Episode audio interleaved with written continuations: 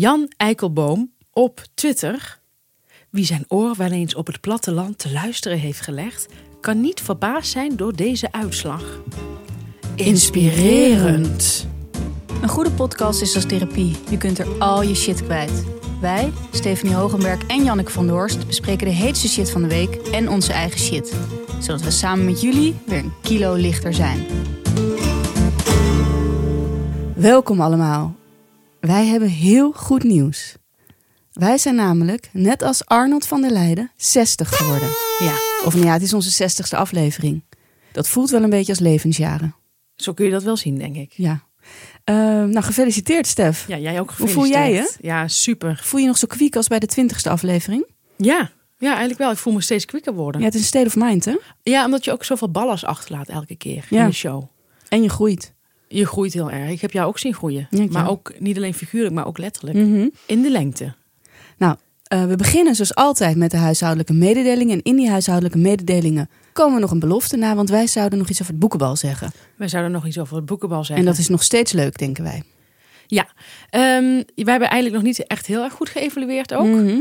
Ik had voor het eerst ging ik eh, officieel naar, naar, naar het boekenbal. Eh, want de twee voorgaande keren was ik één keer een plus één. En eh, de keer daarna was ik eh, als shitshow. Mhm. Moesten we een beetje werken ook nog op Ja. boekenbal. Was, was, was iets minder leuk. Maar ik vond dat wel een leuk boekenbal in de Escape. Eigenlijk vind ik dus de Escape een leuker...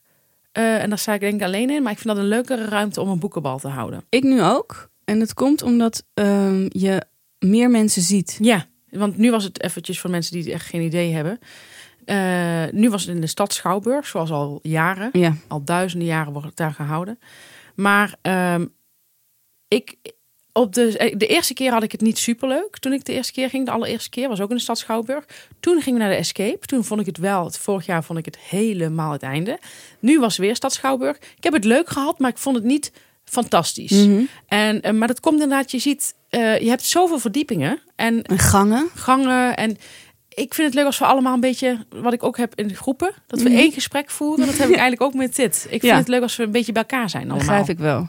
Nou, ik ging vroeger dus met Propiacurus, het studentenblad waar ik voor schreef, gingen we altijd binnendringen. Dat vond ik eigenlijk de beste boekenballen. Ja, Omdat je daar dus eigenlijk niet zou moeten zijn. Maar het was weer gelukt. Dus had je een soort van triomfantelijk gevoel. En je liep daar dan ook rond. Iedereen wist dat PC altijd naar binnen probeerde te komen. Dus iedereen kwam naar je toe. Is het gelukt? oh, ja. Ja, anders was ik hier niet. Maar dat is wel echt heel leuk. Ja. Dus dat vond ik heel leuk. Eh, en heel veel mensen, merk ik nu, zijn toch wel dood of zo. Die zijn er allemaal niet meer of zijn heel oud. ja. Ehm, dus ik- het publiek verjongt heel erg. En dat vind ik zelf soms lastig. Eh, desalniettemin heb ik het ook wel naar, heel erg naar mijn zin gehad hoor. Wat ik, eh, waar ik me aan heb geërgerd, en niet alleen bij het boekenbal, maar ik erger me daar eigenlijk altijd aan. Ik heb het ook al een keer erover gehad in de shitshow, maar niet op deze manier. De dresscode. De dresscode was, eh, jij bent alles. En dan met een roze of een oranje, of roze en oranje touch. Ja. Eh, ik ben zo iemand die daar ehm, die dat serieus neemt. Want ik denk Mhm. anders ben ik de enige die daar niet aan mee heeft gedaan en dat vind ik flauw. Dus dan, ik, gelukkig had ik nog een roze blouse in mijn kast liggen, maar ik vond niet, ik hou niet heel erg van de kleur roze. Ehm, toch aangetrokken onder een pak. En waar ik me dan zo ongelooflijk aan stoor, en dit gebeurt heel vaak met dresscodes, dat heel veel mensen zich er niet aan houden. En dan denk ik, ja, maar dan had ik dus ook niet een roze blouse aan hoeven trekken. Ik wist natuurlijk eh, al dat heel veel mensen op boekenbal zelfs gewoon een spijkerbroek komen.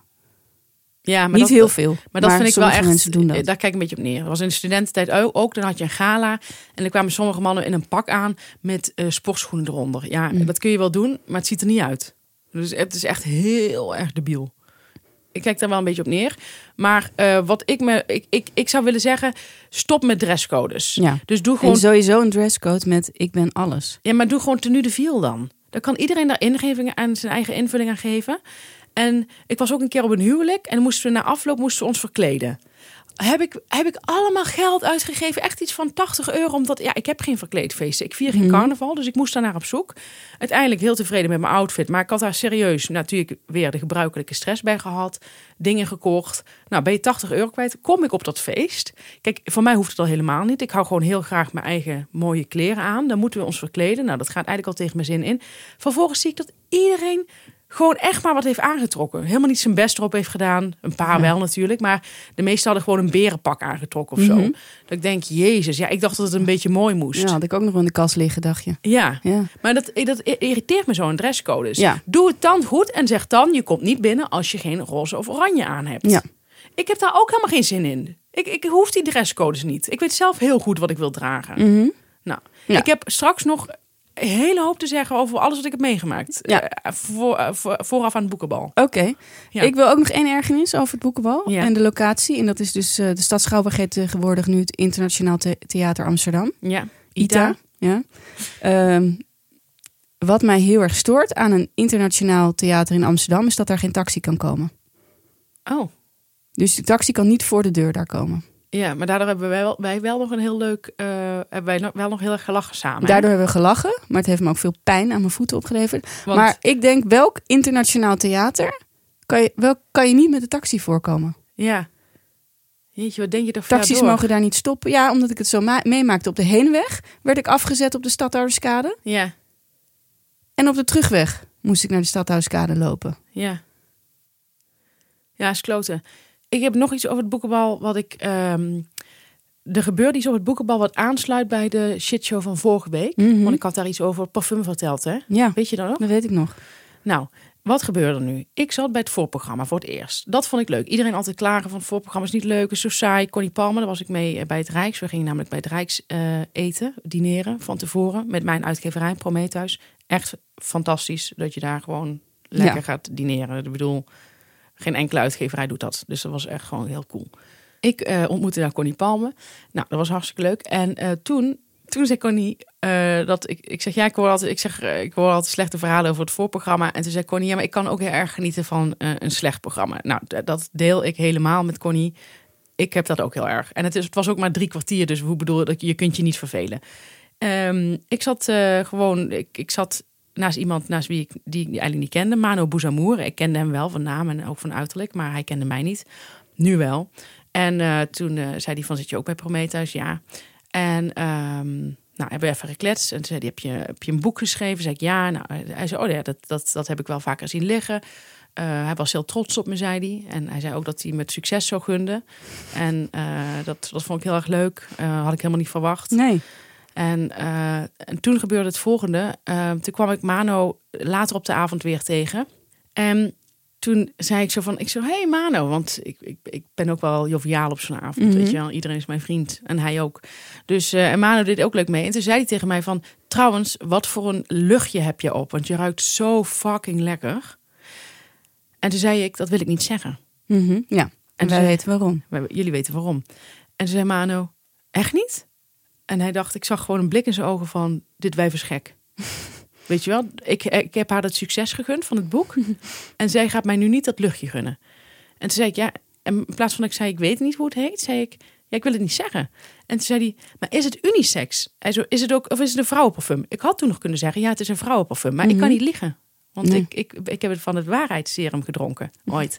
Dus ik zei, nee, dus denk ik, ik denk dat het unisex is. Wist ik niet eens zeker, maar dat denk ik. Het, was, het is namelijk een, een, een... Nou goed, nee, ik wil niks verraden. En toen zei hij, eh, maar hoe heet het? En toen zei ik, oké. En toen zei ik de naam van mijn parfum. En toen zei hij, eh, ging hij waar ik bij was, ging hij het opzoeken op Google.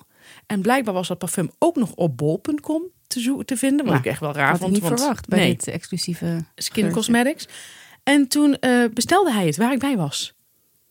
Mano loopt straks ook met het luchtje rond. En eh, aan mensen, mensen gaan aan hem ook weer vragen van hoe heet het wat je op hebt, want je ruikt super lekker. En dat gaat zich heel snel verspreiden als een Mhm. olievlek. En daar heb ik even mee in mijn maag gezeten ik. zaterdagochtend.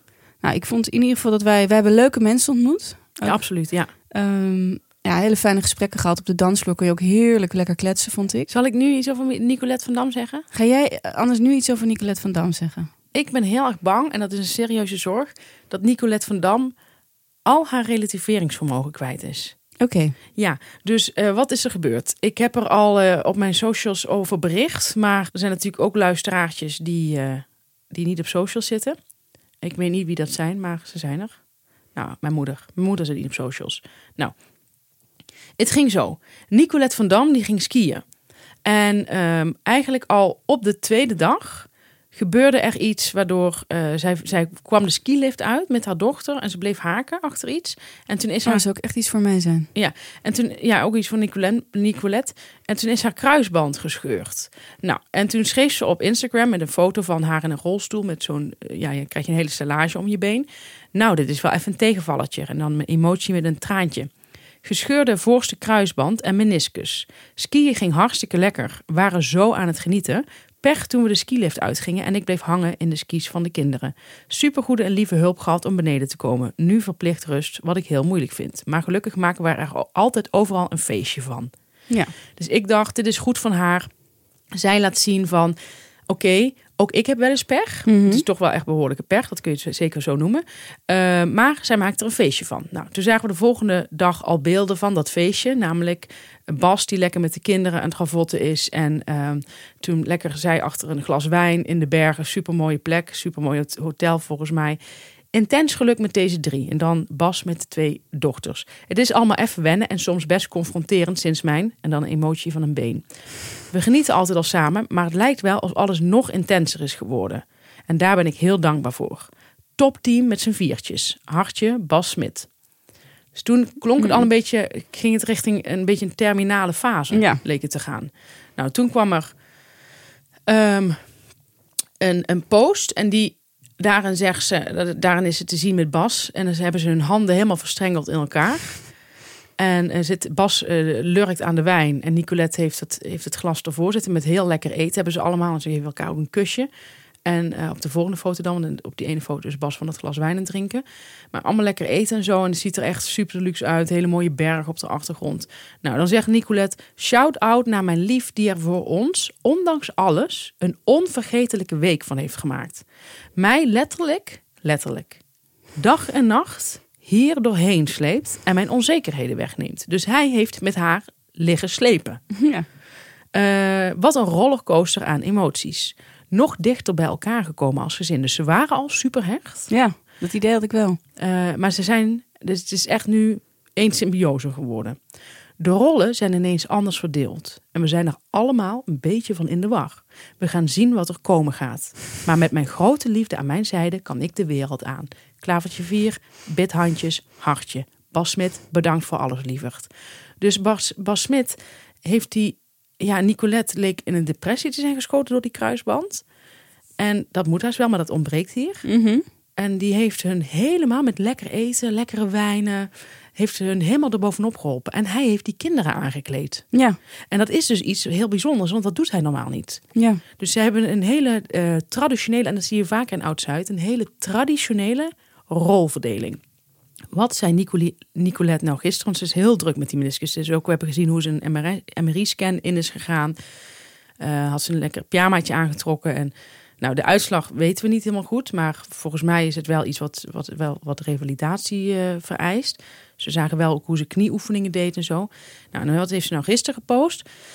Eh, een foto van een documentaire op Prime Video te zien. En zegt ze daarbij: We kregen deze docu van meerdere getipt. Thanks daarvoor. Over voetballer Federico Chiesa. Ken je die? ja. Die ook zijn kruisband heeft gescheurd. Intrigerend en inspirerend. Dus zij haalt nu haar inspiratie bij eh, voetballer. Ja, Bij een voetballer. voor wie een knie eh, alles is. Ja. Ja. Dus Nicolette zit een beetje op dat level. Ja, En daar, daarbij denk ik wel van, van, god meid, is het relativeringsvermogen niet even een beetje weg? ja. Ik begrijp waarom je je zorgen maakt. Ja, Ja, mijn, mijn, mijn biologieleraar zei ooit: eh, de knie is een fout van God. oh mooi, ja. Ja, en ik denk dat dat heel hard is doorgedrongen nu bij deze familie. ja. Maar ze hebben er nog geen woorden aan kunnen geven, denk ik. Nee, misschien dat ze het ook zo kunnen samenvatten. Ja. Ehm, we zitten weer lekker in de race. Oh ja. En ik vroeg me af, heb jij nu al tijd gehad om een tv-programma te kijken? Ja. Ik heb eh Voetbal Insight gekeken. Voetbal Insight? Ja. Oké. Ja. Verwacht ik niet bij jou. Dus het is leuk en verrassend dat je echt van je gebaande paden af durft te wijken. Ja, maar nu heb ik wel een klein probleem. En ehm, dit, dit gaat denk ik niet goed vallen, maar ik heb de hele week Voetbal Insight gekeken. Oké. Ik ben nog niet helemaal achter of het nou elke dag is, maar het is wel vaak op tv. En aangezien ik me echt heel erg verveel met al die andere talkshows, Mhm.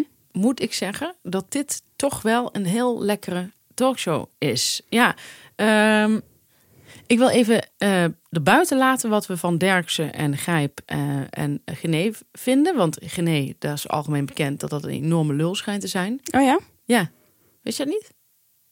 Nee, ik moet zeggen, ik hoor eigenlijk niet zo heel veel over hem.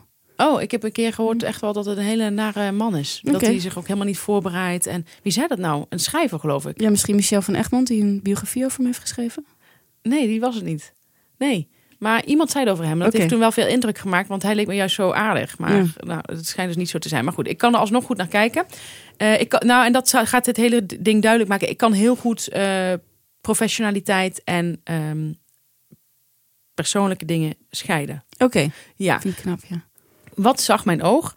Eh, mijn oog zag Helene Hendricks op televisie. Ja, Dat is die eh, blonde del.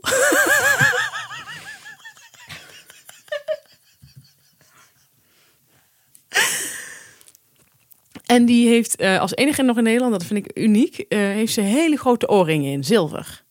ja. Zilver. zoals ik een beetje boeken had, goud. Ja, maar je had goud. Ja. En dat is ook meteen een tip. Eh, als je blond bent, moet je gewoon gouden oorringen doen, niet zilver. Dat is gewoon heel flats. Nou, dan heeft ze altijd het haar hetzelfde. En dat is zeg maar achter een klein beetje verhoogd. Eh, helemaal met haarlak ingespoten. En dan zo'n half staartje. Nou, dan heeft ze nog wat oogschaduw op. Dat doet er eigenlijk allemaal niet toe. Maar eh, wat ik, kijk, professioneel vind ik Hele- Helene Hendricks supergoed. Daar ben ik eerlijk in. Ik vind haar ongelooflijk goed presenteren. Bij half acht vond ik dat. Maar ik vind haar ook heel lekker praten aan tafel bij VI. Nu komt mijn minpunt over Helene. Ik vind dat Helene ehm, een vreselijke vrouw is. Oké, Dus eh, professioneel goed, persoonlijk kut. Ja, persoonlijk lijkt ze mij verschrikkelijk. Dus, en dat is gewoon die scheidslijn die ik Ja. heel hard trek. Helene is iemand die over het NOS-artikel zegt van Tom Ergberts. Ehm, en over eh, Jack van Gelder die hoer zegt. Zegt zij dingen als van... Ja, kijk, mij zou het niet raken. Maar dat ben ik. Ja. Ehm, en dat is een, dat, het is een feit dat het haar wel raakt. Dat is een feit. ja. Dus zij, het lijkt allemaal heel slim wat ze zegt. Maar als je gewoon goed luistert, denk je, jij bent gewoon, jij bent jezelf aan het voordoen als een, een, een lekker wijf met wie je pizza kunt eten, bier kunt drinken. Je kunt er eigenlijk met Helene kun je alle kanten op. ja. En eh, Kaars erin stoppen. kaars erin stoppen. Het maakt haar niet uit. Kijk, zij vindt dat geen belediging. Nee. Maar ze snapt wel van, ja, er zijn ook mensen die het, en dat is dan feitelijk volgens Ja. haar. Nou, ook over de auto. Dus ene Marijn, eh, die kan echt voor geen meter schrijven in de NRC. Die had gezegd dat ze jarenlang in de auto zat met iemand die het had over eh, hoeveel vrouwen die had geneukt. Nou, ik ken zo- zo'n situatie ook uit mijn eigen werkomgeving. Ehm het lijkt mij heel onprettig. Heel. Ja, ik, ik, vind het, ik vind het goor. Ik vind het. het, is niet, het is niet prettig. En het is. Hoe ga je iemand stoppen? Dat is Ja. heel moeilijk als je met z'n tweeën in de auto zit. Als je met iemand erbij zit, kun je nog Ja. zeggen van... eh, God, kun je nog ironie erin brengen. Ja. Maar als je met z'n tweeën bent in, een, in zo'n kleine auto... is helemaal niet prettig. Helene zegt dan... Ja, ik zou dat grappig vinden. Snap je? Dus Helene is iemand... Dat is, vind ik een gevaarlijk soort vrouw Mhm. is one of the guys. Zo profileert zij zich. Eh, Kitty Herwijer heeft hier een andere term voor. Die zegt eh, dus de pick me girl. Dit, ik heb een hekel aan dit soort vrouwen. Ja. Echt een verschrikkelijke hekel. Ik denk, Ik eh, wist niet dat dit nog bestond. dit bestond en zij praat eigenlijk alles goed wat, eh, wat eh, in dat NRS-artikel staat. Want eh, zij, het enige wat zij feitelijk vindt is dat iemand het niet leuk vindt. Ja. Dat noemt zij een feit. En bij, bij alles zegt ze, kijk, mij zou het niet uitmaken. Afgelopen vrijdag was Helene weer op televisie. Joor. Het maakt haar niet uit. Nee.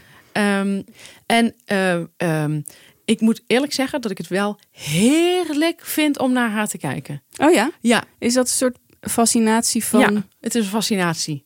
Ik wil zien hoe zo. Ik ken dit soort vrouwen niet, gelukkig. Mhm. Ik wil ze niet in mijn nabije omgeving hebben. Maar ik heb Helene in het echt een keer ontmoet. Daar was jij bij. Ja. En dat heb ik ook een keer een vriend van de show verteld. Maar ik durf het ook wel voor de show te vertellen. Dat eh, toen waren we bij de boekpresentatie van Marcel van Roosmalen. Toen waren we nog in de gratie. En toen eh, In Arnhem. in Arnhem Helemaal naar Arnhem. waren we helemaal naar Arnhem gegaan. En toen was Helene er ook en die presenteerde in een, in een lakleren broek. En toen eh, eh, deed zij een presentatie en dat was gewoon heel mat. Ja, het sloeg niet echt aan. Het sloeg niet echt Nee. aan. Dat herinner ik me nog. En ik vond het een beetje rot toen. Dus toen kwam ze op een gegeven moment naast mij staan aan de bar. Wil ze ook iets bestellen. En toen zei ik tegen haar, was leuk. en toen reageerde ze daar bijna niet op. Ik was echt een nobody. Zo reageerde ze ook op mij. Zo van, ja, zo.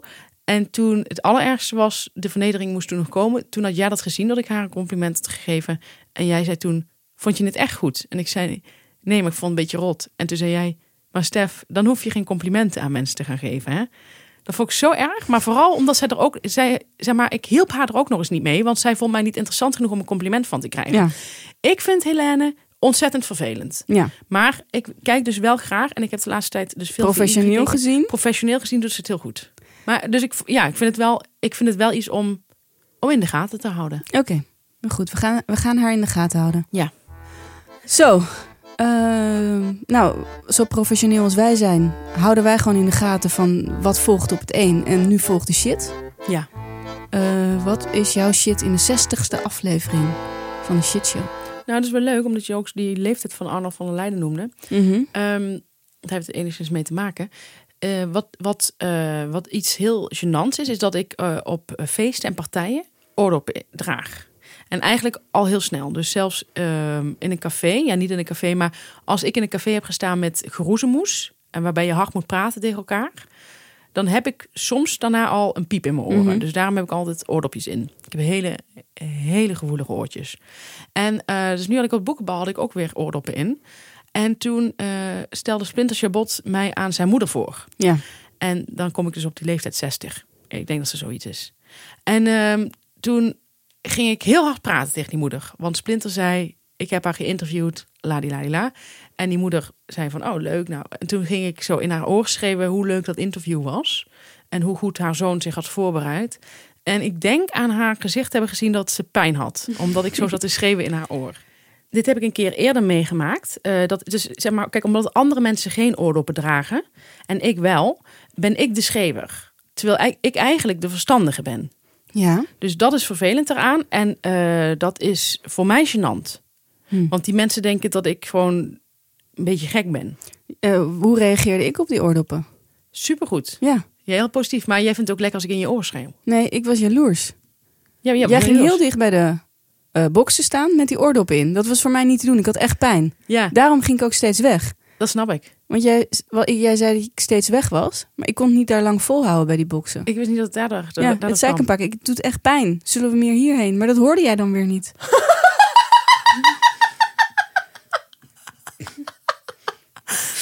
Sorry, mop.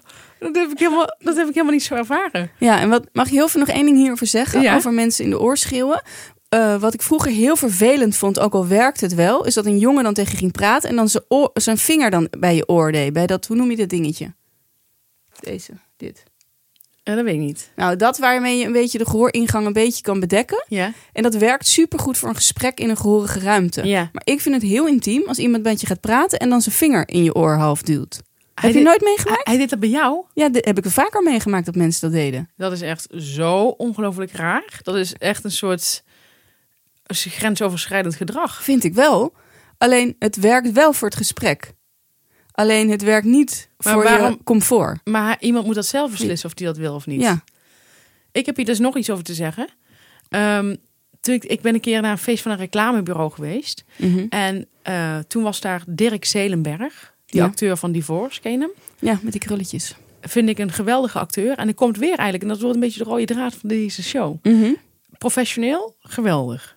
Eh, fantastische acteur. Een van de beste acteurs van Nederland, denk ik zelfs. Als, tenzij hij in het echt ook zo'n slimiel is. Maar hij speelt heel overtuigend echt een... ehm, ja, een beetje een, een, beetje een, een sullige man. Mhm. In het echt niet te doen, deze man. Oké. Ik was op het reclamebureau en ik complimenteerde hem.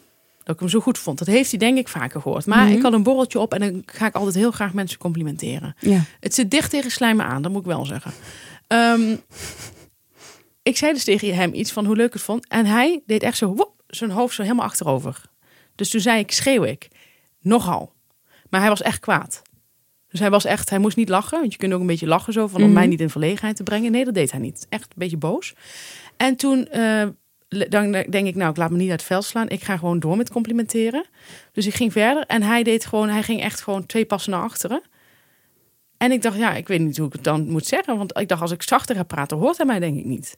Hij heeft mij zoveel schaamte gegeven toen. Ik vond het zo onsympathiek van hem. Dat Ja. ik eh, daardoor hem helemaal niet meer leuk vind. Ik weet ook gewoon, dit is gewoon helemaal geen leuke man. Zo reageer je niet als iemand iets in je oor zegt en net iets te hard. Nee. Dus Oké, nou, die, die komt dus bij ons eh, op de zwarte lijst. Behalve natuurlijk als hij groot donateur van die shitshow is.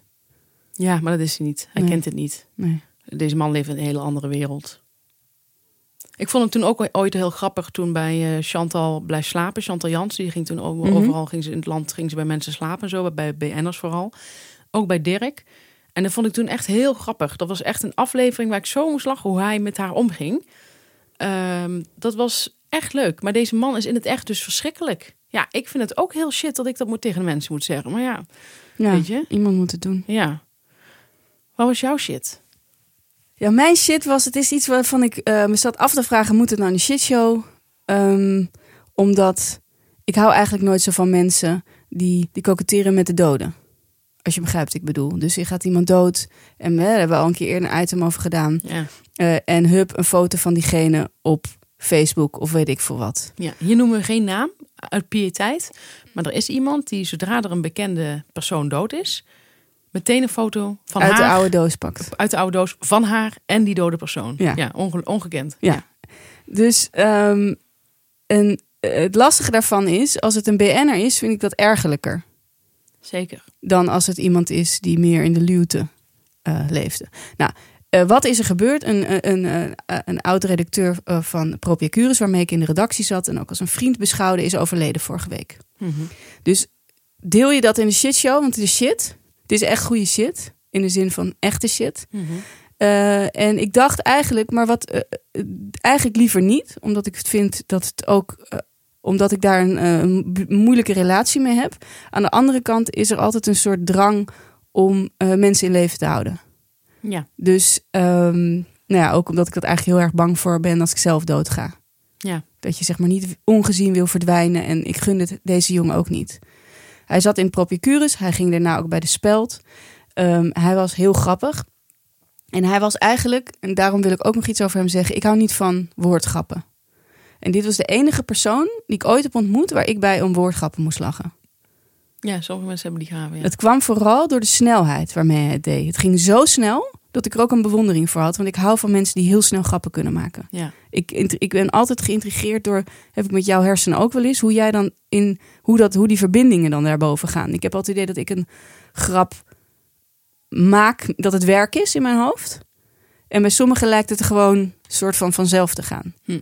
Nou, dat had hij een beetje, vond ik met die woordgrappen, dat het zo snel ging dat ik er altijd heel erg om moest lachen. Daarbij la, eh, lachte hij er zelf zo vrolijk bij, dat ik er ook altijd om moest lachen. Dus dit is eigenlijk een klein eh, moment dat ik even wil- toch wil pakken om Casper, Casper Schönau, om toch heel even een klein stukje over hem te hebben. Ik zal het niet te lang erover hebben.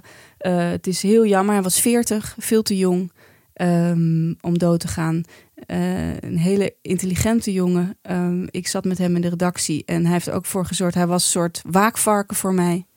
Dus als ik met hem op een feestje was, wist je zeker dat niemand een poging durfde te wagen om mij te zoenen, want hij sprong daar altijd voor. Heeft me ook wel gered van eh hachelijke situaties. Eh, hij was altijd overal als eerste bij. Door hem heb ik gewoon mijn Gmail-adres, is gewoon mijn hele naam. Weet je, zonder punten, zonder cijfertjes en dit en dat. Omdat hij er altijd als eerste overal bij was, heeft hij ons allemaal aan Gmail gebracht. De hele redactie had Gmail met zijn eigen naam. Geweldig. Iets vind ik wel echt, vind ik wel echt van waarde. Ja. ja, want ik ben met assenpoester begonnen. Ja. Ja, precies. En dan moet je het weer kopen of zo van iemand of het ver- verdwijnt. Ehm, een- iemand zei laatst over haar eh, schoonvader was overleden. Dus dat is de opa van haar, haar zoon. Toen zei, zei ik van, is hij naar de, ben je naar de begrafenis geweest? Zij zei, nou ja, we hebben hem niet meegenomen, want hij begrijpt het allemaal nog niet echt. Toen dacht ik, ja, volgens mij is dat iets, blijft iemands overlijden iets wat je nooit helemaal zal begrijpen. Ik heb dat nog steeds niet. En ik vond het wel mooi in dat Fleischman is in Trouble. Dat ze het hadden over die Block Universe Theory Ja. die theorie van de Block Universe. Ja. Eh, waarbij je dus eh, tijd eigenlijk niet passeert, maar alles zeg maar in dat blok gebeurt. En dat je dus tegelijkertijd geboren bent, eigenlijk als dat je dood bent, maar dat je op een ander moment eh, beseft dat je er bent. En dat ik, dat ik daar een soort van ander gevoel bij had. Ik dacht van, we hadden het over dementie, dat je je eigen verhaal gaat maken. Dat is eigenlijk met alle herinneringen die wij allemaal aan Casper hebben, zeg maar. Van zijn ouders tot zijn vrienden, maar ook zijn vijanden en iedereen die hem irritant vond. En weet ik het wat. Dat we met z'n allen eigenlijk nog een heel leven gevuld hebben. En dat het er eigenlijk nog altijd is of zo. Ja. Dat ik dat een, een mooi, eh, mooi gegeven vind. Dus eh, dat wilde ik eventjes eh, kwijt over Casper. Mooi. En, en mogen we wel weten waaraan hij is overleden? Ja, dat waren eh, toch wel een soort gezondheidsredenen. Want hij was jong, hè? Ja, hij was dus 40. En eh, eh, in Propiacurus is een in memoriam verschenen. Paul Roos heeft dat geschreven. Het is echt een prachtig stuk. En die, die omschreef het zo. Eh, zijn lichaam liet hem echter veel te vroeg in de steek. Of hij liet zijn lichaam in de steek. Zoals bij elke relatie die op een rommelige manier ten einde loopt... zal de volgordelijkheid van de dingen ook hier nooit helemaal zijn vast te stellen. Dat vond ik in ieder geval heel mooi omschreven. Ehm, dus dat was even eh, mijn echte shit van de week. Ja. Dus dat was even dat. Dat wilde ik eh, dan toch even in de shitshow vertellen. Omdat het natuurlijk, de, de- omdat het natuurlijk de overheersende shit van deze week ook was. Ja, het was raar als je het niet zou, eh, zou benoemen. Yes. Van deze herinneringen naar onze rubriek. Ja, eh, dat, is, dat is leuk. We gaan naar onze rubriek. Tenminste, daar zouden we naartoe zijn gegaan als we een rubriek hadden, hè? Ja, Want we hebben hem niet. we hebben geen rubriek. Ehm, we denken wel dat we misschien volgende week eentje hebben, omdat we wel- zijn wel echt erover nadenken. Nee, ja, dus er, wo- er wordt aan gewerkt.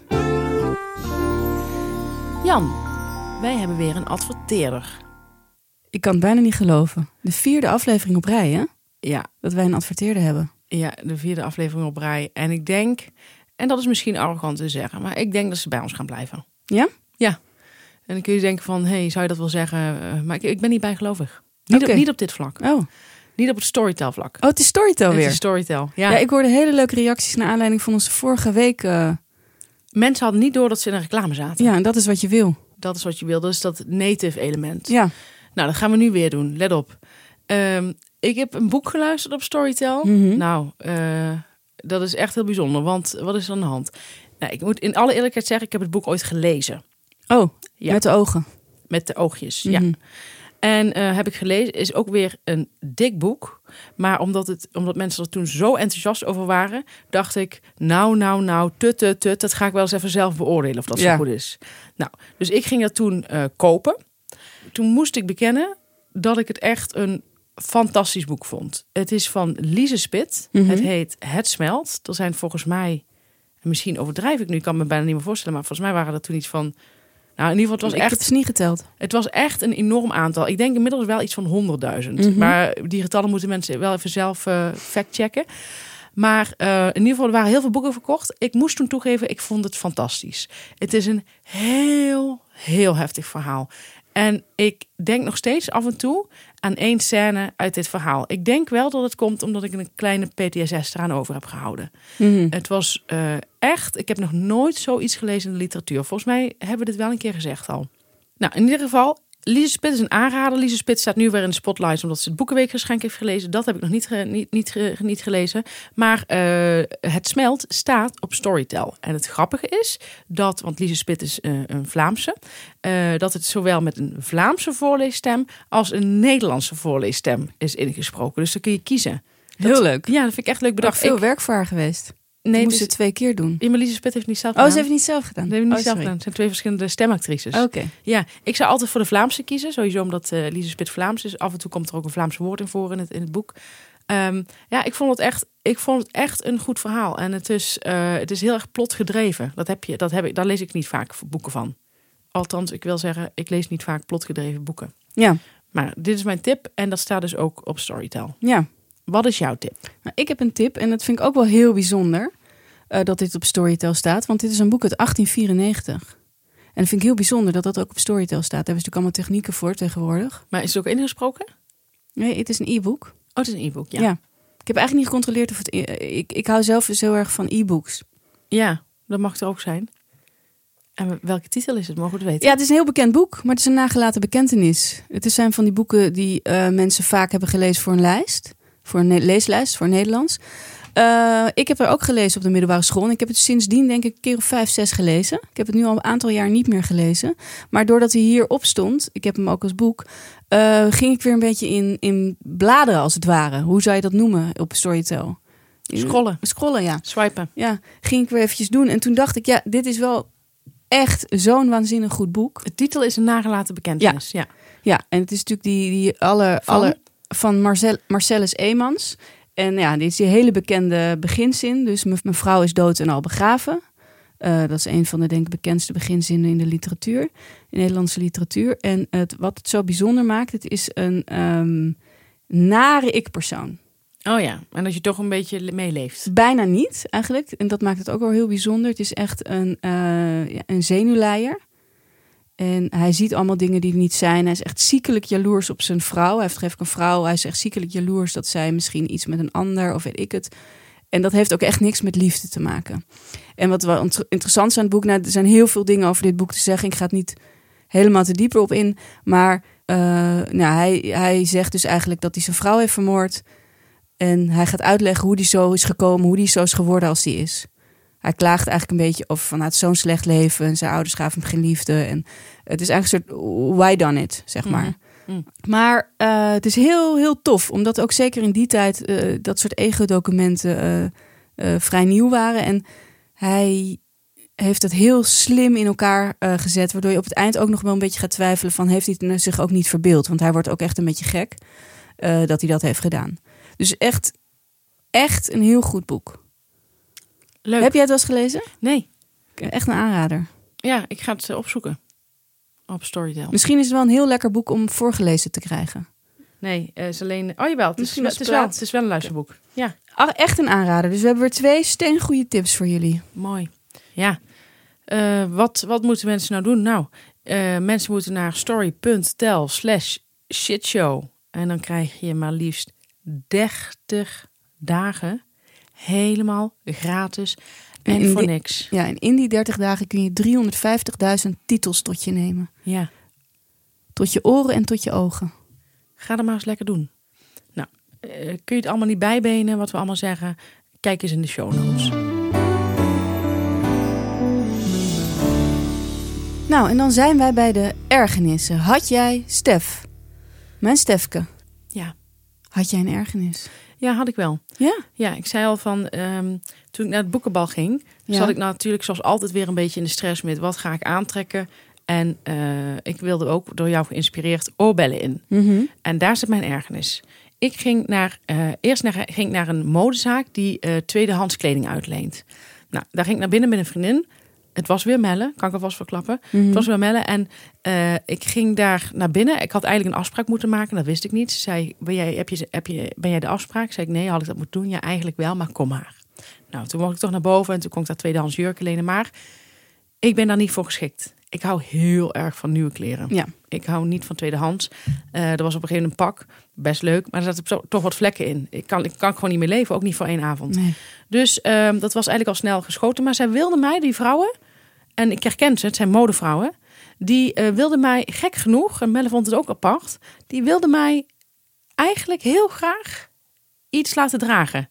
Terwijl het kost haar helemaal niks. Het kost 50 euro om, uh, om dat te lenen. Dus dat vond ik best wel gek. Ik snapte niet wat erachter zat. Nou, toen ging uit beleefdheid nog iets passen. Terwijl ik eigenlijk al dacht van ik heb, het eigenlijk, ik heb geen zin. Um, en toen zei, zei een meisje van... Uh, en wat vind je ervan? En toen zei ik... En dat was een beetje gênant, want ik ging natuurlijk een klein toneelstukje spelen. En ja, ik had een vriendin die me zat te bekijken in dat toneelstukje. Zei ik, ja, ik zeg, ja, ik vind het wel heel leuk. Ik vind die, ik vind die split heel mooi. Um, ik zeg maar, uh, ik, ik, ben, ik ben aan het denken dat ik misschien mijn eigen pak aantrek wat ik thuis heb. En uh, oh, wat voor pak heb je thuis dan? Dat je al denkt van, zou iemand hier echt interesse in hebben? Mm -hmm. En toen zei ik, nou, het ziet er zo en zo uit. En zei ze, voor, eigenlijk voordat ik de zin nog had afgerond, zei ze, oh, dat is heel mooi. Ja, en oh, mooi. En het was werkelijk dat ik dacht, wat is dit voor een alienachtige wereld? Mm -hmm. Ze waren niet onaardig, ze waren aardig. Ze waren dus daar, daar wil ik niks over dingen, maar hoe kan het nou dat je je echt, dat je echt interesseert voor wat ik ga aantrekken? Nou goed, toen heb ik wel nog aan eh, deze modevrouwen gevraagd: weten jullie een oorbellenzaak? Want ik dacht, als ik nou hele mooie oorbellen in, in, in doe, intrek, in doe. En toen zei ze: ja, dan moet je naar die en die zaak. Nou, dat is de zaak, eh, dat wist ik toevallig. Dat is van de vriendin van Freek Vonk. En daar ben ik daar de dag van het boekenbal zelf naartoe gegaan Ja. eigenlijk een beetje met te weinig tijd en te veel haast. Ik kwam van de kapper vandaan. De, die oorbellenzaak lag daar tegenover. En toen zei ik, toen had ik een paar slangenoorbellen. En ik dacht, nou, dat lijkt me wel feestelijk. En toen zei ik, kan ik ze morgen komen ruilen als ik ze vanavond niet draag? Ja, zei het meisje, is goed. Toen ging ze naar het magazijn en toen kwam ze terug. En dit doen heel veel ja, mensen in deze scene. En dat is dan de, de uiterlijk scene. Mhm. Ehm, die kwam met echt een ongelooflijke ernst terug naar mij. Om te zeggen dat ik ze dezelfde dag moest ruilen. Wat ik best begreep. Want ja, dan kun je ze gaan dragen naar het, naar het boekenbal. En Ja. dan kom je de volgende dag kom je ze terugbrengen. Krijgt overigens geen geld terug. Maar goed, ik snap het best. best. Toen zei ze... ehm, ja, eh, je moet ze wel ja, vandaag terugbrengen. Want ik heb het even nagevraagd, maar het moet echt vandaag. Dat ik altijd dacht van, ja, je hoeft niet te gaan huilen hoor. Dus ik zei, oh ja, ik zeg prima. Ik zeg dan, eh, maar ik, was, ik had er heel weinig tijd. Dus toen heb ik voor 125 euro die slangenoorbellen gekocht. Mhm. Die heb ik vervolgens niet gedragen naar het boekenbal. En de volgende dag dacht ik, ik ga ook eh, voor- voorlopig denk ik geen slangenoorbellen in doen. Ik vind eigenlijk gewoon, het staat mij niet. Mhm. Dus toen dacht ik, ja, maar goed, ik kan niet meer ruilen. Zijn vriendin, die zei van, eh, je hebt consumentenrecht. Nou, dat was mij helemaal onbekend. Maar ze zeiden van, dan kun je echt wel wat, eh, wat, wat aan doen. Toen heb ik een e-mail gestuurd op zondagmiddag. Met van, hoi, ik was bij jullie vrijdag in de zaak. Ik had net iets te weinig tijd. Ik heb die oorbellen gekocht. Eh, het was voor het boekenbal. Ik heb ze niet gedragen. Zie bewijs in de bijlage. Heb ik een foto van jou en mij erbij gedaan. Toen heb ik gezegd van... ehm, Leuk. ehm, ja, ik dacht, ik, ik breng het gewoon vrolijk Ja. en, en eerlijk. Echt gewoon totaal eerlijk. Ik heb ze niet gedragen. Het is nu zondag en ik heb spijt. En ik zou het heel erg fijn vinden als ik ze morgen alsnog zou mogen komen ruilen. Ik weet dat het niet gebruikelijk is. eh, maar eh, als bedankje zal ik mijn boek, dat al drie weken bij het parool op nummer 1 staat, voor jullie meenemen. Ik dacht, dan- dan lezen ze ook eens wat leuks. Ja, Hè? Of dan, slim. dan, dan lezen ze weer eens iets, Mhm. dacht ik. Nou, toen kreeg ik daar een mail op terug op maandag. Zo humorloos, zo saai, dat eigenlijk het hele leven uit mij vloeide. Eh, gewoon nergens op ingegaan, niet op de foto, niet op het aanbod van het boek. Ik had er een bol.com linkje bij gedaan. Ik denk, dat snappen zij, bol.com, ze weten hè, van... eh, Hè, dan Mhm. ik denk Scheld, maar dat is, dat is de, hoge, de hoogdravend. Dus ik had zo de bol.com erbij gedaan. En dan zo'n mail met... Lieve Stephanie... Doen- Lieve? ja. Lieve Stephanie, dit doen wij normaal niet. Maar je kunt ze komen ruilen. Eh, hier bij het retourformulier. Nou, heel formulier wat ik dan zou moeten uitprinten of zo. Dan moest ik dat in een pakket wat ik niet heb gaan terugsturen. Dus toen vroeg ik van... Maar ze gingen dus echt nergens op in van mijn mail. Hè? Dus ik had Mhm. gewoon een gezellige e-mail. Zeg dan desnoods van... van ehm, wat, is, eh, ga daar even op in of zo. Ik weet niet dat je gewoon zo in het leven staat... dat je gewoon helemaal eh, geen idee hebt wat je hiermee aan moet met zo'n mail. Snap je? Ja. Daar erger ik me aan. En dat ze wel zo'n retourformulier hebben. Dus het is wel iets wat ergens in hun systeem zit. Ergens, ergens klopt er ook sowieso... Is, Nee. is er iets helemaal niet in de haak. Nee. Maar goed, ik vind het dus gewoon eh, super eh, vervelend. Ik vind het gewoon, het irriteert me dat. Kijk, het maakt mij echt geen reet uit. Ik was al lang ik ze kon ruilen, dus Ja. maakt mij niet uit. Ik probeerde alleen maar vriendelijk te zijn, een beetje te paaien en zo. Maar dat ze er gewoon helemaal niet op ingaan. En toen zei ik van Max ook in de winkel komen brengen van, want ik, ik, hè, ik Ik woon om de hoek. ja, en ik dacht, nee, dat niet. Maar ik dacht, wat moet ik met dat hele retourformulier? Dat is- dat is weer een extra drempel. Lieve Stephanie, dat mag ook. Je schrikt je dood bij lieve Stephanie. Ja. En toen, Meestal komt er dan slecht nieuws. Meestal een vreemde je lieve noemt. Ja, nee, maar dit is waarschijnlijk, dit is waarschijnlijk hun wilde outgoing eh, signature. Mhm. Om mensen zo te mailen. Toen ben ik ze gaan ruilen. Toen waren ze allemaal aan het lunchen in de zaak. Waren ze gewoon allemaal aan het lunchen in de zaak. Zei ik van, oh, kom wel op een gelukkig moment binnen. Nou, niemand lachen. Ehm, en toen zei ze, kunnen we je helpen? Zei ik, ja, ik had gemaild. En dan eh, ehm, van, mogen wij die mail zien? En de humorloosheid. En dan ook nog zo'n meisje, dat dan, die was wel vriendelijk, maar die zei tegen mij van... Is het een hele grote zaak met extreem veel Een heel klein zaakje. medewerkers? Nee, het is een heel klein zaakje met een bemanning van zes, zes eh, vrouwen. En eh, meteen ook een heel akelig sfeer. En ik herken het, want ik heb ooit één maand stage gelopen bij Spice PR. Is ook een modebedrijf. En daar werkte ook een afschuwelijke bazin. Die deed ook zo. Dit is gewoon een sfeer- en modeland. Oh, Een hele nare sfeer. En eh, die bazin die zei ook dingen tegen mij als in de vergadering. "Eh, Stefanie, ik denk dat het goed is als jij even bij de HEMA ehm, eh, plakkertjes voor onder de stoel, stoelen gaat kopen. En dan wilden ze me mee beledigen. Snap je? Om me zo'n Mhm. taakje eh, te geven. En dan zei ik, oh, ik zei super, dat ga ik doen.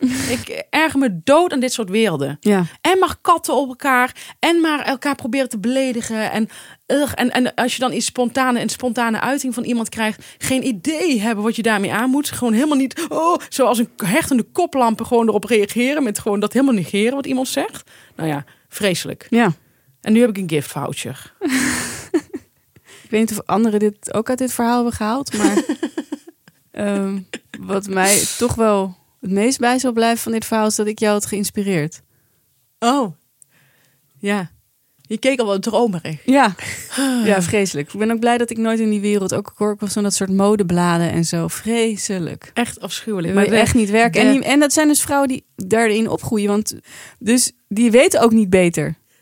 Die denken dat dit de wereld is. Dit is, dit is zo leeg.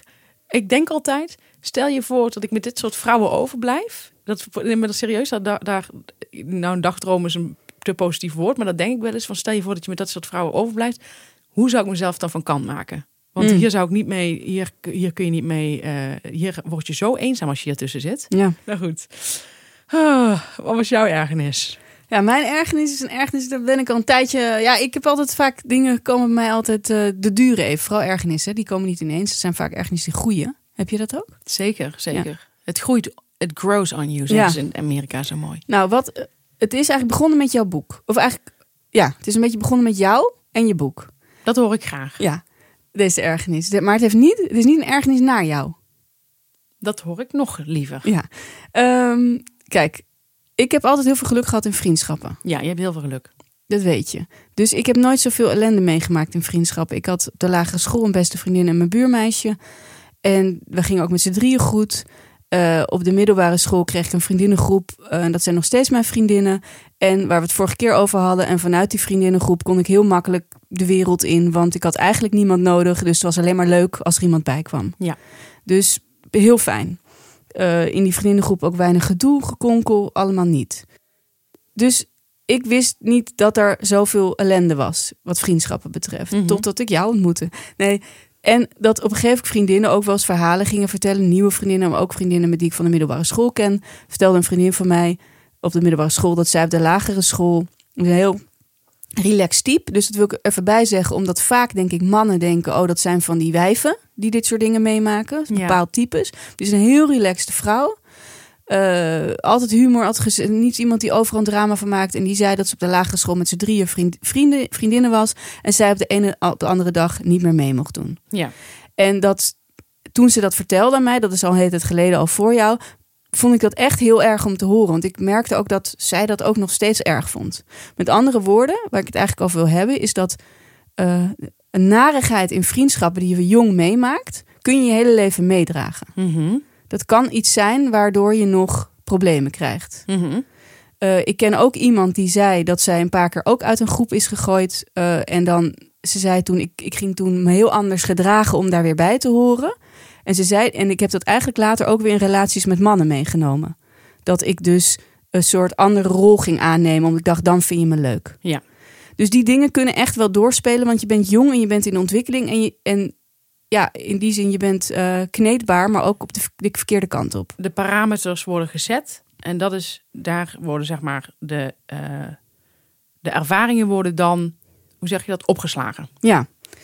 En wat mij dus opvalt, ehm, op een gegeven ogenblik was ik bij een vriendin thuis en haar dochter ken ik. En ik ken ook wat van die vriendinnetjes inmiddels, begrijp je? Omdat je daar vaak komt. Ja. En ik zag een meisje dat ik wel eens eerder gezien, dat was best wel een beidehand kind. En die was nu ook, dat moest ik dus aan denken, aan dat verhaal van, de, van die andere vrouw. Een beetje onderdanig tegen dat meisje, tegen de dochter van die zus, eh, tegen de dochter van die vriendin. En toen waren ze een beetje aan het kletsen en zo. En ik was met hun een beetje aan het kletsen. En toen vertelde dat meisje dat haar beste vriendin heel vaak niet haar beste vriendin meer wil zijn, maar met iemand anders wil. En dat zij dan ook echt niet mee mag doen. En ik merkte dus dat zij daar dus, dus aangedaan was. En ze ging dus die, met die, ze heeft wel vriendinnen, want dus ook die dochter van die vriendin van mij is een vriendin van haar. Ik leg het misschien onhandig uit, maar het ging erom. Zij had altijd een goede eh, beste vriendin. Die had nu iemand nieuws ontmoet. Dat gebeurt natuurlijk in het leven. Maar zij mocht ook niet meer meedoen. Maar soms dan weer wel. En het was heel lastig voor haar. Ze had gelukkig ook nog andere vriendinnen. Ze was niet alleen, alleen maar op deze gefocust. Maar ik zag dat haar echt, toen ze dat zat te vertellen, dat het haar echt heel erg raakte. Ja. En ehm, er is een soort ding onder ouders, vooral onder moeders, want vaders hoor ik er niet zoveel over, dat als al die meisjes met die groepjes gedoe hebben, dat ze dat, oh dat meidengedoe, dat hoort er allemaal bij. Ik heb dat nooit meegemaakt in mijn leven. Dus het is niet iets wat altijd maar gebeurt. En ze doen dan een beetje eh, zo van, dat moet je lekker laten. Weet je, dat, is- dat vechten ze onderling allemaal wel uit. Nou, kan ik me voorstellen dat je van een school bent, dat je denkt, ik bemoei me niet te veel met mijn kind en ik vind dat ze zichzelf moet vormen. Dat is een theorie. Maar ik vind het opvallend dat ik dat vaak door eh, moeders hoor zeggen, die met andere dingen bovenop die kinderen zitten. Dus met sport. Ik had het vroeger ook zo'n moeder, die dan bovenop het kind zat wat betreft sport en school. Dus de hele tijd eh, bijlessen volgen. Oh, die moest naar school. eh, en achter de broek aan zitten met huiswerk. Maar sociale, dat moet en dat sociale, nee, dat moet je allemaal lekker allemaal zelf uitzoeken. Nee, maar dat moeten ze zichzelf vormen. Ja, En dat vind ik zo debiel. ja. Dus dat je-. Dat is een van de belangrijkste dingen in het leven. Veel belangrijker dan Ja, sport en ja. school. Is het belangrijkste, word je een sociaal stevig persoon. Ja. En dat je dat gaat zeggen de hele tijd. Nee, dat moet je lekker laten gaan. En dat je dus wordt gezien als een helikoptermoeder. Als je daar iets over wil zeggen. Dan ben jij een helikoptermoeder. Zelf zit ze. eh, ik ken één vrouw die heel vaak met de lerares gaat praten over de kind. Ja. Elke keer weer een praatje over de kind. Nee, maar dat eh, moet je lekker laten gaan. Dat moet je lekker laten gaan. Ik vind dat heel, heel, heel bijzonder dat we. Hè, er zijn nu pestprotocollen op school. Heel veel. Het gaat altijd over pesten. Dat er niet eens een keer een thema is. Wat is vriendschap? Ja. Wat is vriendschap? Vriendschap is als jij je veilig bij iemand kan voelen. Moet je de hele dag met elkaar optrekken? Nee, natuurlijk niet. Mag je nou nooit eens ruzie hebben? Natuurlijk wel. Maar je voelt je in de basis, moet je veilig bij iemand voelen. Dan, dan ben je vrienden. En Ja. dat ze dat niet eens leren op school. Dat lijkt me heel belangrijk. Het wordt tijd naar die negatieve kant, naar pesten. Mensen denken al snel, net zoals met racisme, ik ben geen racist. Denken mensen ook, ik ben geen pestkop. Dus eigenlijk komt het vaak niet aan. Dus doe, draai het eens om en zeg eens, wat is nou eigenlijk vriendschap? Als jij niet veilig voelt bij je vrienden en niet jezelf kan zijn, dan zijn het geen vrienden. Mooi betoog. Ik heb er eh, weinig aan toe te voegen. Het is natuurlijk wel echt een meidending. Dat is wel zo. Vaak wel, alhoewel natuurlijk ook jongens, maar dit wordt is meer gewoon echt gepest worden. Ja, dat en is iets anders. En dat is veel ruwer. Ja. En dat is ook veel meer zichtbaar voor juffrouwen. Ja, En meisjes, dat gaat zo subtiel en zo eh geniepig. Dat is, als je daar niet tegen bestand bent. En ik heb, daar, ik heb dus echt al in groep 1 een vervelende ervaring gehad. Ehm, eh, dan, dan ja, wat, iets wat ik niet thuis ging navertellen. Maar een heel na meisje. En daar ben ik toen bevriend mee geraakt. En uiteindelijk gingen we gelukkig verhuizen. Daar was mijn moeder toen ongelooflijk blij mee. Maar dat heeft mij echt al... Want ik weet het nog heel goed hoe dat ging. ja, Eh, dat ik al op een hele rare manier een beetje gechanteerd werd door zo'n meisje. En ehm, ze had ook hele rare ouders. Dat is dat natuurlijk een directe relatie. Mhm. En ik, ik snapte de hele dynamiek vaak gewoon niet. En dat heb ik op de basisschool, heb ik, dat heb ik ook in mijn boek geschreven, heb ik het ook gehad. Heb ik ook een heel vervelende vriendschap gehad met een meisje dat het de hele tijd uitmaakte met mij. Mhm. En dat zijn wel allemaal ervaringen eh, die later doorwerken. Ja. Zo simpel is het. En dat mensen dat niet zien en dat maar loslaten. Ach, dat moeten ze allemaal zelf uitzoeken. Maar Ja. verder overal met de neus bovenop zitten. Nou, ze weten gewoon niet hoe ze het moeten aanpakken. Dat weten ze niet. Nee, Dus, het- dus het zou wel helpen als je het gewoon eh, benoemt tegen je kind. Van ja, het is, heel, het is soms heel lastig met, Ja. eh, met, met, met, met, met meisjes. Of met, met meisjes spelen. Of met eh, vriendinnen. Of Ja. met groepjes. Het begint op de basisschool. Maar het, gaat, het is niet zeg maar dat er een volwassenheid in zit. nee. Als het er eenmaal is bij, bij een vrouw. Mhm. Dat ze, zo, dat ze een beetje iets pesterigs in zich heeft. Of een meisje moet ik zeggen. Dan is het heel, de kans heel groot dat het later aanwezig blijft. Snap wat ik bedoel? Ja, ik merk dat ik zodra ik al niet helemaal een klik met iemand heb, kan ik dat dus in, in de rijkdom, om het even zo te noemen, van de vriendschappen die ik heb, kan ik zo snel mensen laten gaan. Begrijp je? Ja. Die luxe heb ik. Ja, En maar ik weet, ik weet zelfs dat mensen in het bejaardenhuis nog gepest worden. ja. nou, eh, de, de, en buitengesloten. een, een- de beste vriendin van mijn tante, die, eh, dat zijn mijn tante dan. Na het lezen van mijn boek heb ik natuurlijk één zo'n hoofdstuk waarin ik een, eh, eruit wordt gegooid bij een vriendinnengroep. Eh mijn tante zei, ja, ik ga het ook aan haar laten lezen, want zij heeft onlangs nog, en ze zijn dus in de zestig, hetzelfde meegemaakt. Ze werd eruit geknikkerd bij een groep. Dus Ja. dit, dit is, dit is, en, dit, en ik weet het nog van iemand, wie, die ik nu niet wil zeggen, Ehm, eh, ook, ook in de zestig. ja. Snoeihard. Ja, dus er moet veel meer aandacht al van jongs af aan gegeven worden. Wat is vriendschap en wanneer ben jij een goede vriendin? En wanneer is iemand een goede vriendin voor jou? Ja. Het zou leuk zijn als er basisschoolleraren dit horen. Ja.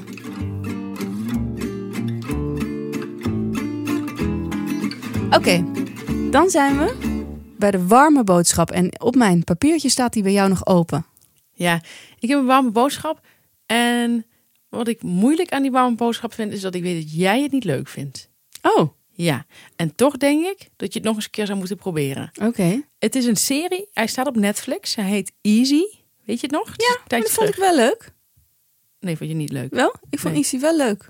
Echt absoluut. Ik zat toen alleen in een fase van mijn leven dat ik even zin had in een doorlopende serie. Dat zei ik toen. Toen heb ik het inderdaad niet meer teruggekeken, maar ik vond Easy wel leuk. Heb je hem gekeken Ik heb uiteindelijk? meerdere afleveringen gekeken. Maar niet alles nog. Nee. Ga je wel eens doen, denk je?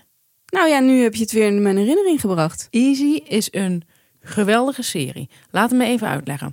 Easy zijn eh, losse, ah, eh, losse verhalen. Ja. Nou, dat zou me in het begin niet aantrekken. Net zoals dat ik niet zo van verhalenbundels hou. Daar hebben heel veel mensen moeite mee.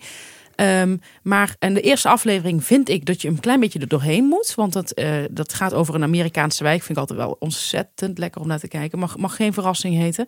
Ehm, maar eh, dan zijn ze, er is een eh, pakketjesteler. Ja. Nou, en dan zijn ze allemaal heel druk mee in de buurt en zo. Nou, oké, prima aflevering. Maar dan moet je even doorheen. Want ik vind vanaf aflevering 2 is het verrukkelijk op verrukkelijk op verrukkelijk. En wat is er nou zo goed? Eh, de personages zijn dus eigenlijk elke aflevering anders. Maar, of andere acteurs. Maar het kan wel zijn dat de, bijvoorbeeld de pakketjesbezorger, ik zeg maar even wat, dat klopt niet. Maar die zou bijvoorbeeld in aflevering 2 kunnen fungeren Mhm. als de ober ineens of zo. Dat die ook nog die baan heeft. Nou, ik zeg maar wat. Maar in ieder geval, af en toe zie je nog wat wel zo van, hé, die, was, die zat ook in aflevering 3. Nou, eh, aflevering 2 vind ik fantastisch. eh, en alle andere af- afleveringen. eh, gaat over een stel waarbij de klad erin is gekomen. En Ja. dan gaan ze, geven elkaar een vrijbrief om het eens lekker buiten de deur te doen. Wat ik er zo goed aan vind, is dat het, ik vind het heel realistisch hoe dit is gemaakt. Het lijkt wel alsof het geïmproviseerd is. Dat moet haast wel, want het is allemaal, dit kan bijna niet geschreven zijn, denk ik. En wat ik ook zo goed vind, is de details, zijn de details. Dus dan heeft bijvoorbeeld die vrouw van het stel, die doet dan s'avonds zo heel snel er eh, zo'n zo'n zo'n bitje in voor het slapen gaan. Tegen knarse tanden. Mhm. Maar niet op een manier dat je denkt van, oh, de regisseur vindt het zelf ook een geweldig detail. Maar op een manier dat je, je moet goed opletten, anders zie je het bijna niet eens. Ja. Dus ze doet gewoon heel snel zo'n beetje in. En dat, zijn, dat, is, het is, dat maakt het allemaal levensecht. Er zit op een gegeven moment een lesbische verhaallijn in. Die vond ik erg leuk. Met hele mooie muziek. Dus aan het einde wordt altijd heel, heel mooi nummer gedraaid. En eh, er is ook een aflevering die heeft destijds heel veel indruk op mij gemaakt. Dat is een 38-jarige vrouw. Die is single. Is daar vrij ongelukkig mee. Omdat ze heel graag kinderen wil. Past in de vrije tijd op. Bij, ja, niet echt een vriendin. Maar iemand die ze kent. En dan gaat ze oppassen. En ook die gesprekken die ze dan heeft. Die moeder is dan heel druk. Ze is allemaal dingen nog aan het inpakken. Zij zit daar een beetje ongelukkig eigenlijk met jaloezie naar dat gezinsleven Mhm. te kijken. Dat, die pijn is zo voelbaar. Zo goed in beeld gebracht. Het is een fenomenale serie. Echt waar. Eén seizoen of twee seizoenen? Volgens mij... Ik dacht namelijk dat er twee waren. Oh, dat zou goed kunnen, ja. Moet ik het heel veel opzoeken? Wacht. Nou, dat maakt ook niet uit. Lekker aan die eerste beginnen. Is er nog een tweede, is het alleen maar een cadeautje als je het goed vindt, toch? Ja. Dus Easy op Netflix. Maar was jouw warme boodschap, Mais? Eh, De Murdoch Murderers. Vind ik moeilijk om uit te spreken. De Murdoch Murderers. Gaat heel goed. Ja. Ik kan het heel goed verstaan. Ja, eh, het, is een, se- het is op Netflix en het is zo'n waar gebeurd verhaal van, nou ja, moorden Ja. in een plaatsje, Hampton in South Carolina. Oh, lekker. En dit is een soort van Succession, echt.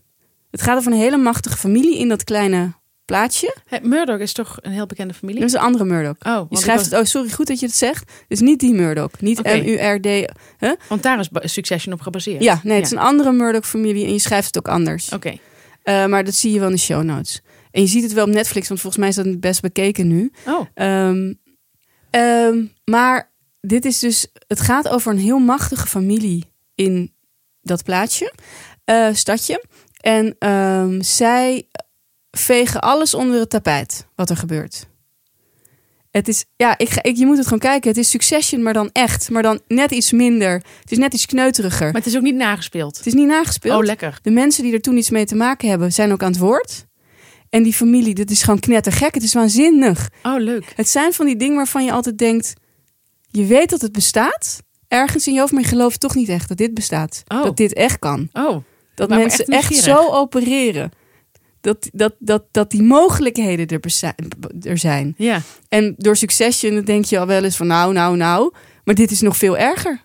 Lekker. Dit is nog veel erger. Ik weet, ik weet niet helemaal wat me nou moet voorstellen, maar ik ga het ja, ik kijken. ga, je moet het echt kijken als je hiervan houdt. Ja, maar het is true crime dus. Het is true crime. Ja. Leuk, ga kijken. Ja, ook echt iets voor jou. Oké. Ik kan me niet voorstellen nu hoe, hoe gek dat is, maar Ja, kijken. misschien daar Ik, ook ik ging kijken. natuurlijk helemaal onbevangen kijken. Ik ging gewoon zo zitten. Ik wist er niks van. Dus misschien dat jij denkt, nou ja, ja. Maar het is... Nee, ik ben heel benieuwd wat jij Oké. vindt. Nou, dat was het alweer. Aflevering 60. Je knippert met je ogen en hij is voorbij. En welke vrouwen in podcastland doen dit ons na? En niemand. Onafhankelijk. Met een beetje hulp van Post Office en Juriaan Balhuizen voor zijn gastvrijheid. Ja, maar er is niemand die een echte accordeon in de studio heeft zitten. Een man met een echte accordeon. Nee, dat sowieso niet. En dan 60 afleveringen volmaken. Volpraten ook. Ja. Ja, een prestatie hoor. ja. Ik ga eens een keer, ik denk weer eens een keer luisteren vanaf aflevering Ja, 1. lekker van het begin beginnen. Het is wel grappig hoe wij in aflevering 1 praten. Het was zo verlegen nog. Ja? Ja, nu zijn we helemaal loesoe. Lekker, lekker loesoe. Nou, tot volgende week. Op Vriend van de Show gaan we bespreken wat we aan ons lichaam zouden willen veranderen als we iets mochten veranderen. Leuk. Pijnloos. Eén ding? Eén ding. Dat is moeilijk. Tot volgende week. Tot volgende week.